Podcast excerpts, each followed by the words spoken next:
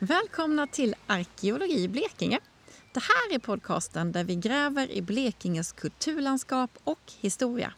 Jag besöker tillsammans med arkeologer och andra experter olika platser runt om i Blekinge som berättar om fascinerande fornlämningar, okända historier och intressanta forskningsrön. Just det här avsnittet har möjliggjorts genom ett samarbete med och bidrag från Länsstyrelsen i Blekinge.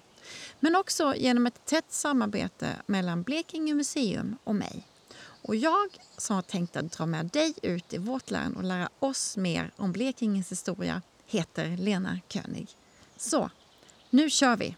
Eller om jag skulle säga, nu gräver vi. Välkommen till Arkeologi Blekinge. Nu ska jag ta dig till en av de absolut hetaste arkeologiska platserna vi har i Blekinge, Västra Vång. Där pågår just nu arkeologiska utgrävningar, en i raden av publika utgrävningar som har varit där de senaste åren. Där träffar jag Blekinge museums arkeolog Mikael Henriksson som har varit med från allra första början 2004 och som kan ge oss en bra och sammanfattande bild av Västra Vång och betydelsen av den här platsen. Han kommer också visa oss lite vad de har hittat och berätta kring det. Så avslutar vi med ett par minuter med arkeolog Siri Iskog som till vardags befinner sig i kallvattenkuren inne i Ronneby. Hon berättar lite mer om hur och var man kan få veta mer kring årets grävning men också mer om övriga arkeologiska platser i Ronneby kommun. Det är ett vattenhus, eller vad är det? Är vi igång? Ja, nu, ja. ja det kan vi väl vara. Det där är ju pumphusen. Där står en hel ehm, rad, ja. ja. Så det här är ju liksom anledningen till det som vi idag känner som Vångarkeologin egentligen. Just det. Karlskrona kommuns sämre vatten, får vi säga. Sämre vatten? Ja, än de ville ha. Så att det ja. blev ju ett vattenreningsprojekt där man skulle utnyttja då miljöerna kring Johanneshusåsen att mm. rena vatten. Så här grävdes 2004? 2004, 2005 på mm. östra sidan av Tvingvägen. Så det var väl egentligen sommaren tror jag, eller något sånt där.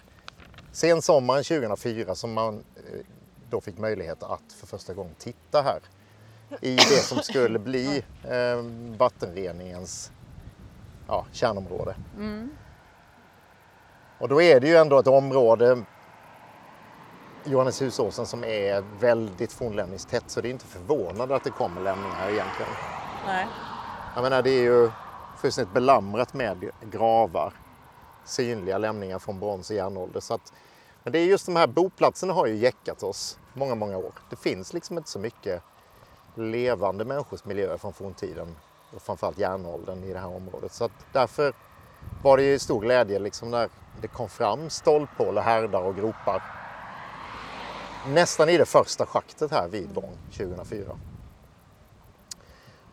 Och sen med ett, ett utvidgat schakt så, så, blir det väldigt tydligt att det var en väldig anläggningstäthet. Alltså det är ett intensivt boplatsområde som, som eh, kom fram här. Och fynd då som då spänner från ska vi säga, yngre romersk järnålder, 300-400-tal och fram till vikingatid. Mycket keramik, en och annan glaspärla och här var ju framförallt smidda föremål, järnföremål som kändes, oj då. Spjutspetsar, pilspetsar, något betsel och sånt som inte ja, just kändes. Det, det låg som en liten avskrämd ja. sophög där borta. Ja men precis, på nordsluttningen så är det ju mm. det som man brukar kalla arkeologiskt för skärvstenslager. Mm. Som är då utkastad, uttjänt sten från eldstäder och härdar och sådär. Som eh, låg, det var ju mer än en halv meter som tjockast, alltså kompakt stenlager. Så att eh, ganska komplex yta. Här kom ju några boplatslämningar som man tydligt kunde följa. Ett, något långhus som var ja, närmare 20 meter och eh, sen skärs av av den här vägen som har funnits här sedan då 100 år tillbaka. Mm. Några grophus. Och som sagt, liksom en, en tydlig järnålsboplats, väldigt intensiv så. Eh, som lovade mycket, kändes det som. Nu låg ju exploateringen på den sidan men det gjordes viss detektering på den västra sidan och ja, kullen då som vi står nedanför. Det kan jag säga, så jag var faktiskt med då i 2004. Det var väldigt pedagogiskt alltihop kändes det som. Och ändå Det var det något som man bara trillade in i liksom. Så Ja, det, men den här ja, orange, det var nästan som en orange sand. Man såg liksom allting bara så här. Jaha, Helena, nyexaminerad. Och här har vi ett hus. Det var lite så. ja, det var väldigt tydligt. Mm. Jag kan säga, eftersom vi har varit och grävt många gånger sedan dess, att det hänger också på att det ska vara rätt fukt i marken för att det ska vara optimalt. Ibland, man har varit här, jag tror det var sommaren 2018 som det var så extremt torrt. Mm. Och då var det ju väldigt, det var som en stenöken här. Det blir inte alls samma liksom kontrast konstigt nog. Det, det blir väldigt, väldigt svårt att se. Så att det var nog optimala förutsättningar där på hösten 2004. Men vad hände då sen när detta var... Här sen blev det ju då att vattenledningen lades ner här. Det gjordes en vattenledning för en dränering på helt andra sidan av kullen kan man säga, mot, mot våtmarken 2004. Eh, ett ganska långt schakt som gick liksom från våtmarken och förbi kullen och ner på andra sidan, alltså många alltså, hundra meter. Norr om all, hela den Ja, här ja. jättefina ek... Och då kom det ju arkeologiska spår i princip i hela schaktet. Så att då är vi i en situation där vi har tydlig boplats på en punkt med en yta med väldigt mycket. Och sen så har vi då ett långt schakt som, som liksom ramar in det hela. Så vi förstod ju där och då att, att här finns ju lämningar från väldigt olika perioder inom olika delar av boplatsen. Eh, och borta i det schaktet som då ligger närmare den senare, alltså historiska byn, så kom det ju vikingatida grophus, tydligt sådana, och, och avfallslager och där kom eh, det som man kan uppfatta som takbärande stolpar också i långhus. Så att det är en uppenbart yngre järnålderslämning i den riktningen. Eh, norr om kullen, ute i det området som är nu mot våtmarken, kom en eh, eh järnframställningsugn som då hamnade C14-daterat i romartid, så att kring Kristi födelse. Så att små element som gör stor skillnad när man begriper att boplatsen är rätt stor. Så redan där kan man ju liksom börja dra cirklar och se hur stort är det här området egentligen. Framförallt får vi inte glömma att vi har vikingar, vikingatidens största silverskatt i Blekinge Just från det. Mm. Så att vi drar ju in den historiska Vångs by också i det hela. Vi har ju dateringar där från schaktövervakningar uppe i byn som är tydligt vändeltida till exempel. Men det, det, hittades det uppe bland... Var hittades Det finns ju lite olika uppgifter. Trovärdiga uppgifter pekar ut platser uppe i byn.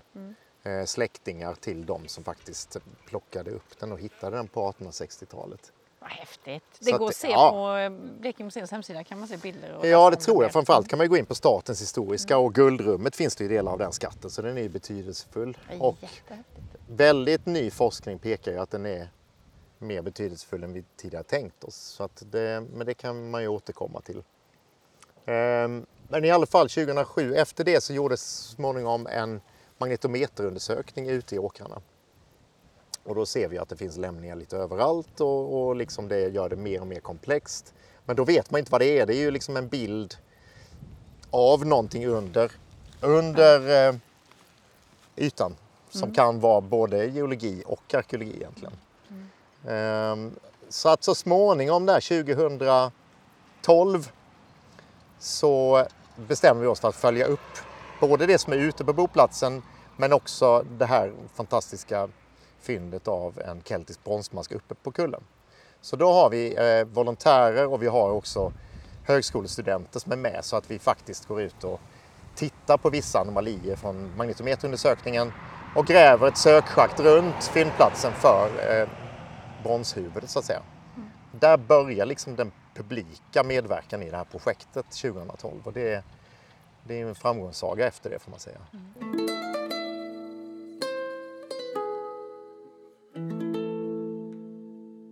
Men om man skulle bara...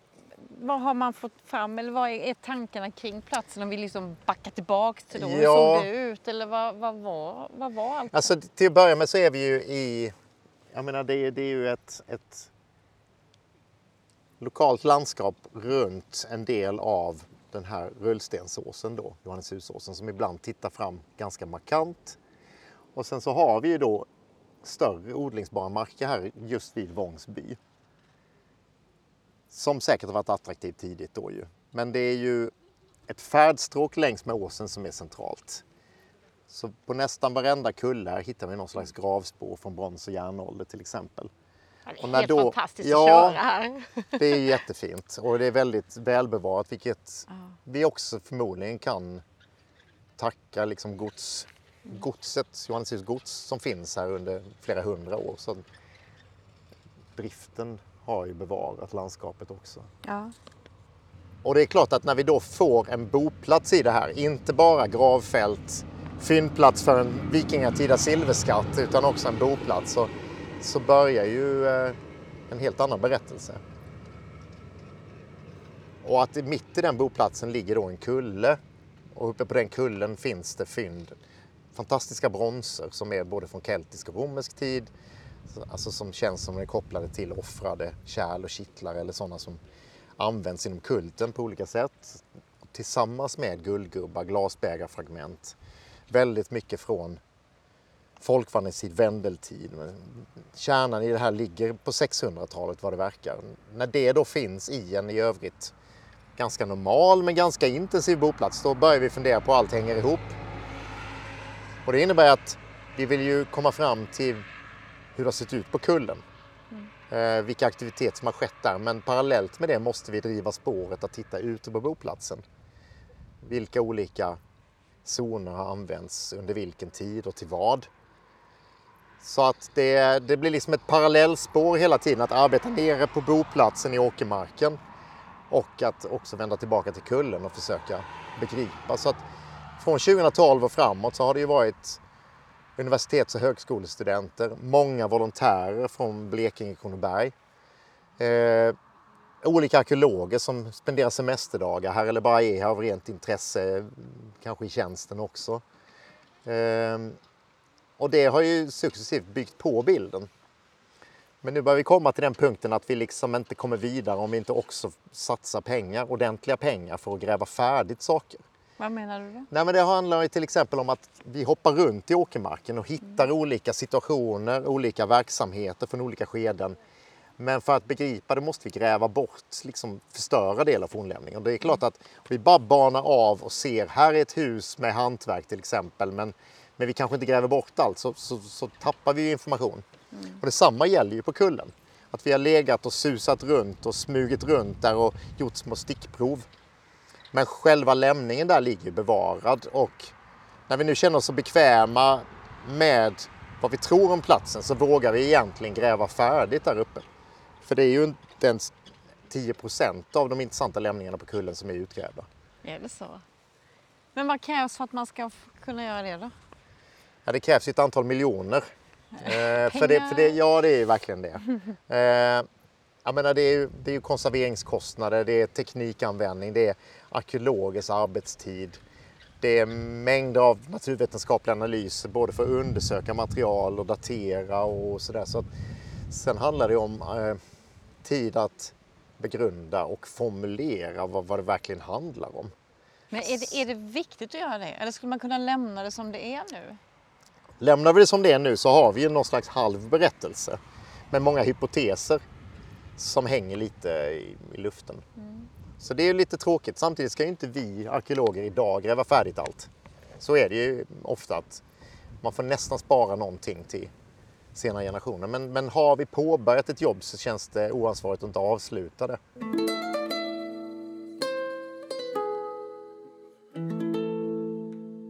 Men om man då skulle sammanfatta, vad säger historien hittills? Vad är, vad, vilket, hur kan man formulera? Ja, det vi kan säga är att vi har en betydelsefull plats uppdragen rätt långt upp i kulturlandskapet, långt från kusten. Längs ett forntida affärsstråk som, som har koppling bak till sen stenålder och bronsålder egentligen med en kontinuitet och en tyngd i landskapet.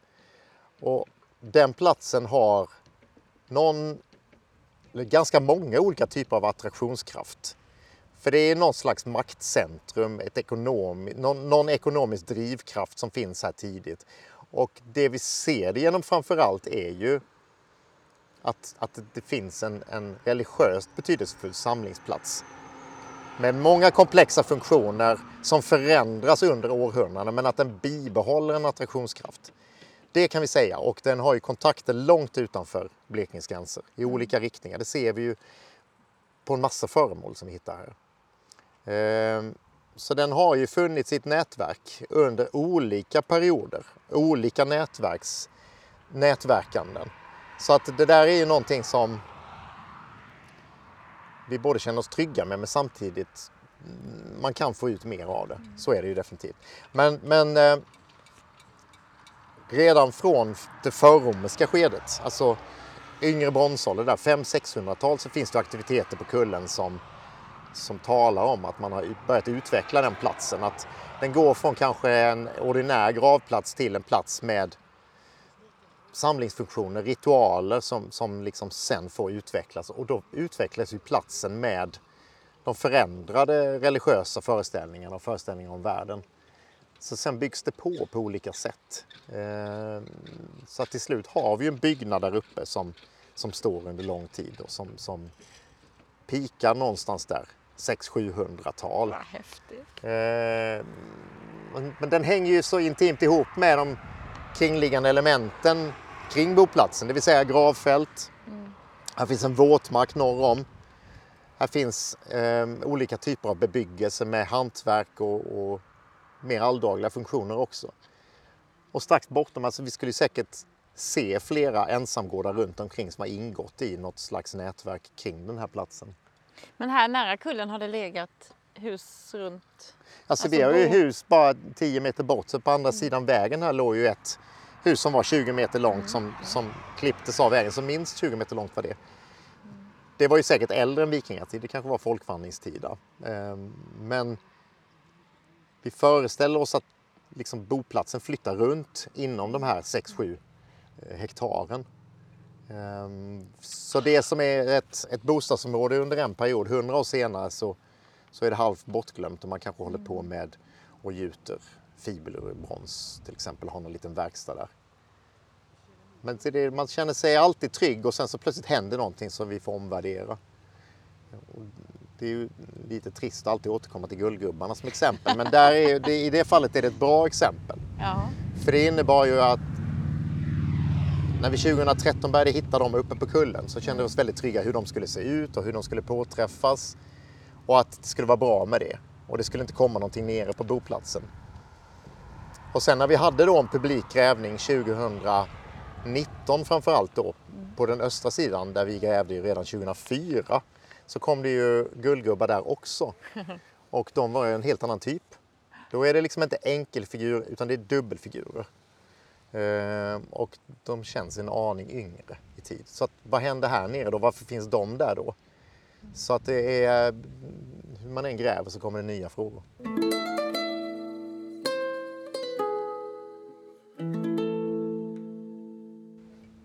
Men hur tacklas man? Alltså, hur tacklar man det där med de här olika åldrarna som kommer och går? För det, det, har, man inte, har man inte grävt allt och inte har hela pusslet så Nej. är det som att man har flera pussel som man Lite, ska försöka få ihop fast man det, är, det är en fördel och en nackdel med en projektform som är små steg eh, hela tiden.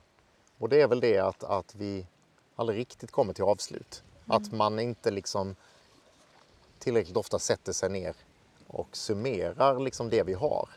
Så det innebär ju att om vi har publika grävningar tre år på rad på en åker så samlar vi mest på och så tänker jag att det blir bra med det. Vi, vi drar slutsatserna längre fram. Men nu hamnar vi verkligen i det där skedet där vi måste summera. Ehm, så att vi har väl tacklat det genom att fortsätta på något sätt. Mm. Ehm, och på ett sätt som är alla är bekväma med. Vi förstör ingenting, ehm, vi vet liksom vad vi gör. Ehm, vi har råd med det. Det är ändå inte så eh, kostsamt.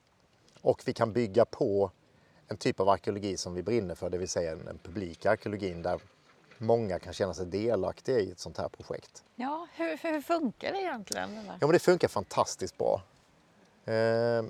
jag menar, vi hade ju redan då, som jag sa, 2012 med både studenter och frivilliga. Mm. Och vissa av de amatöarkeologerna är ju så rutinerade så att man, man kan ju låta dem göra ganska mycket men ibland finns det saker som bara liksom tränade arkeologer får lov att göra och kan göra. Så att det, det gäller att hitta balansgången och känna förtroende liksom sådär. Eh, och den balansgången har vi hittat, inte minst när vi gräver ute på boplatsen. Så att i ett normalfall hade man ju aldrig letat igenom så mycket matjord som, som vi har gjort på den här boplatsen. Nej.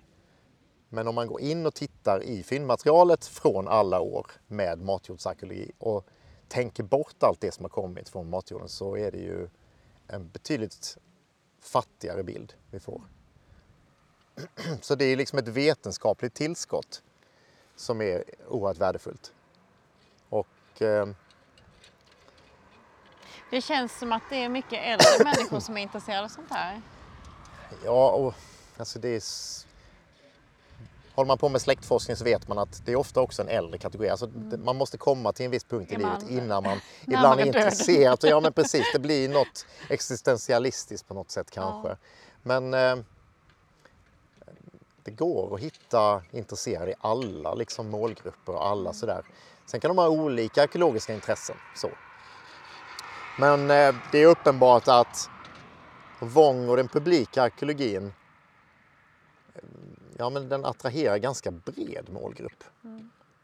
Så är det nog. Det är, det är många olika åldrar trots allt. I. Sen är det ju så att de som har mest tid är ju de som kanske står i begrepp att gå i pension eller har gått i pension. Hittar de då arkeologin som sitt intresse så, så kan de ju verkligen brinna för det. Eh, Så att det är klart att de som, vi har ju flera som är arbetsför ålder om man uttrycker det så, men de tar ju semester för att vara med här. Och så regnar de dagarna bort och sen åh jag vill ju vara med nu men det går ju inte, nu måste jag tillbaka till jobbet eller, eller så.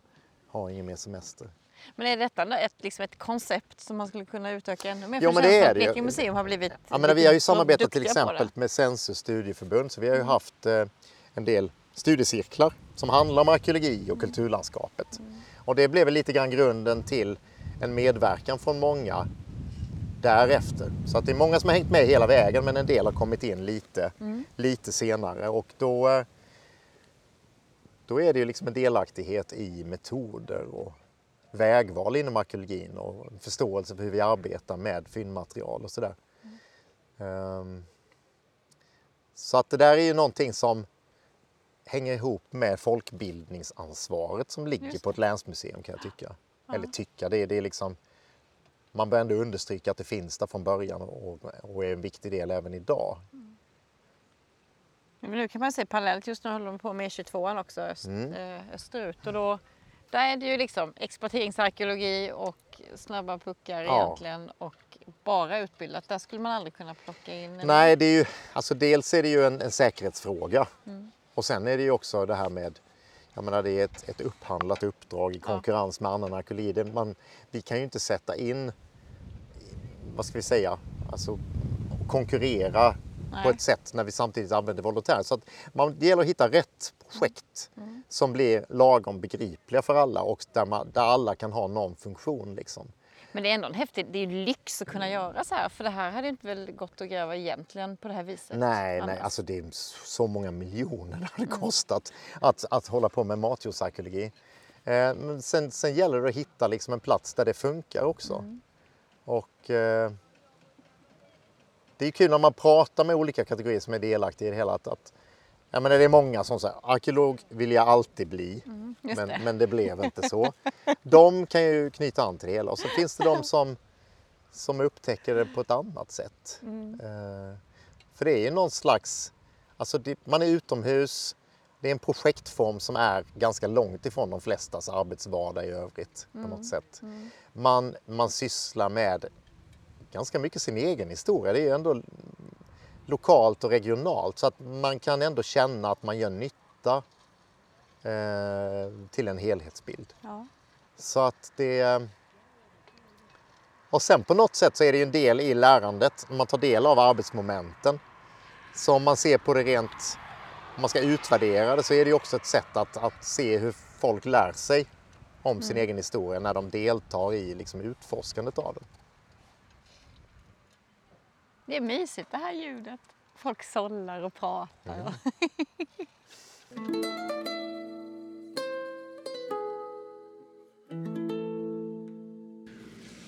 eh, nu är det ju inte så många dagar kvar eh, på grävningen. Så. Vad, vad har ni hittat i, i år? Eh, stora mängder brukskeramik, ganska alldaglig sådan. Men eh, det kommer ju i kulturlager så det är ganska välbevarat. Och mycket av det. Här kommer eh, ganska mycket metallföremål. Eh, som även är från metalldetektering ute i åkermarken. Så att det är spännen, fibulor från eh, folkvandringstid, vändeltid. Och det mest fantastiska är ett, ett ryggknappsspänne som är väldigt välbevarat som kommer i en huslämning faktiskt. Wow. Sen är det en del vikingatida spännen och sånt som kommer ute på åkrarna. Lite sådär. Lite sådär. Eh, och sen är det mycket spår av metallhantverk och textilhantverk. Så det är släntrisor, vävtyngder, smältdeglar, slagg, en del halvfabrikat helt enkelt. Saker som inte som har ratats eller, eller inte är helt färdiga. Så att det, sen kommer det sånt som vi brukar hitta, alltså glasbägarfragment och, och glaspärlor och, och lite annat. Är det som ni hade förväntat er eller bättre eller sämre? Jag skulle säga att det är bättre. Det är mycket bättre än vi hade förväntat oss. Så att det är ett... Det är tur, kanske lite skicklighet, att vi faktiskt gräver där och gör det på det här sättet vi gör så vi får maximalt ut av det hela. Sen kom det en guldgubbe, men den kom ju för två månader sedan. I ett jordprov nere i Lund.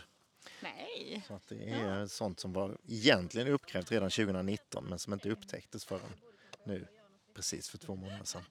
Jättecoolt. V- vad gör man med det här nu? Ja, alltså vi- det ska ju gå till konservator det som är känsligt och viktigt att, att eh, preparera fram. Så att de vidtar liksom en ny, ett nytt arbetsfokus och vi får väl se vad det blir av det. Men vi har en vecka kvar att gräva. Så att vi kanske blir överraskade. Ja. Ja, det Jag skulle se om var... jag kunde hitta Siri och prata lite om... Ja. Man vill väl ta det här lite vidare också? Ja. Ronneby kommun satsar ju en del. Ja, men precis. Ja. Thank you, Michael. Alltid något. Alltid, Alltid något. något. Jag knäpper loss dig och så går jag vidare i livet. Yes. Thank you.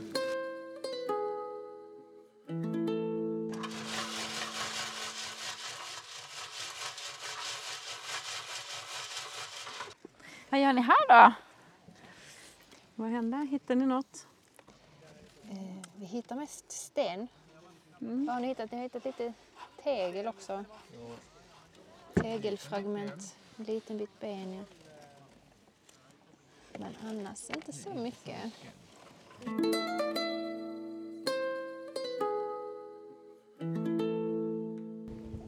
Dels så har vi ju vår utställning Kallvattenkuran. Men vi har ju också, står så inte blåser, Alltså. Ehm, sen så vi vill ju inte bara bygga ett museum. Det handlar ju om så mycket mer än bara en, en byggnad och en utställning. Det handlar ju också om det lokala engagemanget och den lokala viljan att, att det ska bli någonting mer än bara ett museum. Det här skapar ju stolthet för Ronnebyborna. Det engagerar ungdomar som i Knut Hans nya kurs. Liksom. Ja, just det. Du, det blir jag förvånad man kommer hit Ja. och ser en massa, en massa gymnasieelever. Vad Ja. är det? Det visste inte jag. Jo, ja, det är på Knut Hans har de från detta året en kurs i individuellt val som är Ronnebys historia och arkeologi. Och eh, det är 10-11 ungdomar som har valt den kursen som eh, nu är med och gräver eh, på Vång. Och vi hoppas att eh, de kan vara med på andra utgrävningar också under året. Sen har de också ett samarbete med Medieproduktion som gör en dokumentärfilm om Ronnebys historia. Ah, Och som har varit här ute och filmat lite och, vad kul. och sådär. Så att, att vi har de här platserna är ju så mycket mer än att bara ställa ut. Det är ju att lära känna sin trakt och sin historia och på ett bredare plan lära känna historien. Ja, för det har hänt väldigt mycket. Och sen när jag var yngre då var det Blekinge museum, Dinosaur i Karlskrona. och så fanns det lite utställningar, eh, lite böcker kunde man köpa och så gick man omkring och så lyssnade man på ljud om, från en båt som lät. Ja. Och liksom då, sådär. Ja. Till att nu har ändå liksom museet har portionerats ut. Så att nu har man Ronnebys storheter i Ronneby och så. Men det, det tror jag är bra. För att eh, det är väl bra att man kan presentera historien där den är på något sätt. Ehm, och historien berör väl alla, men att de som, som lever och verkar i Ronneby känner till sin stad och kan berätta om, om, ut- från, ja, om de som kommer från andra städer, om, om sin stad och kan vara stolta över det. Ja men det är ju lite som detta att allt, alla fynd som tidigare gjorts liksom skeppats till Stockholm Ja. som också har känts jättekonstigt. Så det är klart att Precis. det blir samma sak. Ja. Och sen så tror jag mycket på att, att upplevelsen av sin historia behöver ett nytt grepp. Jag tror inte att man idag kanske är så intresserad av att bara gå till ett museum och titta på fynd utan det får vara, det får vara någonting mer som jag tror också kan ge en bredare förståelse för, för sin historia. Och då att komma ut här och titta på eh, fynden. Här ligger vävtyngderna på sin nästan ursprungliga plats. Man kan säga här, här var de liksom. Och här, här verkade de. Jag tror att det är jätteviktigt. Så, så tror jag arkeologin, att ungdomarna får lov att komma ut här och, och gräva. På riktigt. Jag tror det är jätteviktigt. Häftigt. Vad roligt. Och så var det inte på min tid. Nej, på, eh, inte på min heller. Då åkte man till eh, Historiska museet och tittade på föremålen. Jag åkte in till Köpenhamn och tittade på föremålen där. Men, men nu när ni gräver igen här sen, går det liksom, om man då är intresserad ändå av att liksom se platsen här, får man åka hit och gå här uppe eller hur funkar det? Ja, absolut. Eh, Det finns ju skyltat här så man kan uppleva, uppleva platsen och kullen och kunna se fornlämningarna som finns här längs med eh, Tvingvägen som leder upp till Vång. Det Ja, just mäktigt det. Och där borta vid kyrkan, Ja. eh, där finns ett sånt litet Just det, informationshus informationshus. eller vad man ska ja, säga. Ja. Där kan man ju få lite mer information också. Och sen så finns det den nya slingan som är gjord av Ronneby slingor. Eh, som finns i en app, High Story, som man kan gå här också som berättar om, om Vång och eh, Johanneshusåsen och så vidare. Och sen eh, i kallvattenkuren i, i Ronneby kommer vi ha föreläsningar om årets grävningar och vi har ju också, där kan man ju också uppleva Den är, ganska- de är ganska bra att hålla bort. vår utställning och ehm, eh, vi försöker göra så att möjliggöra att eh, de här fynden så snart som möjligt kommer allmänheten till del och att vi kan berätta om, om årets grävningar och sådär. Ah, det är nog ben. Jo men det är lite ben. Kan vara också kan vara bränt, men det är lite ben. Ritade bil.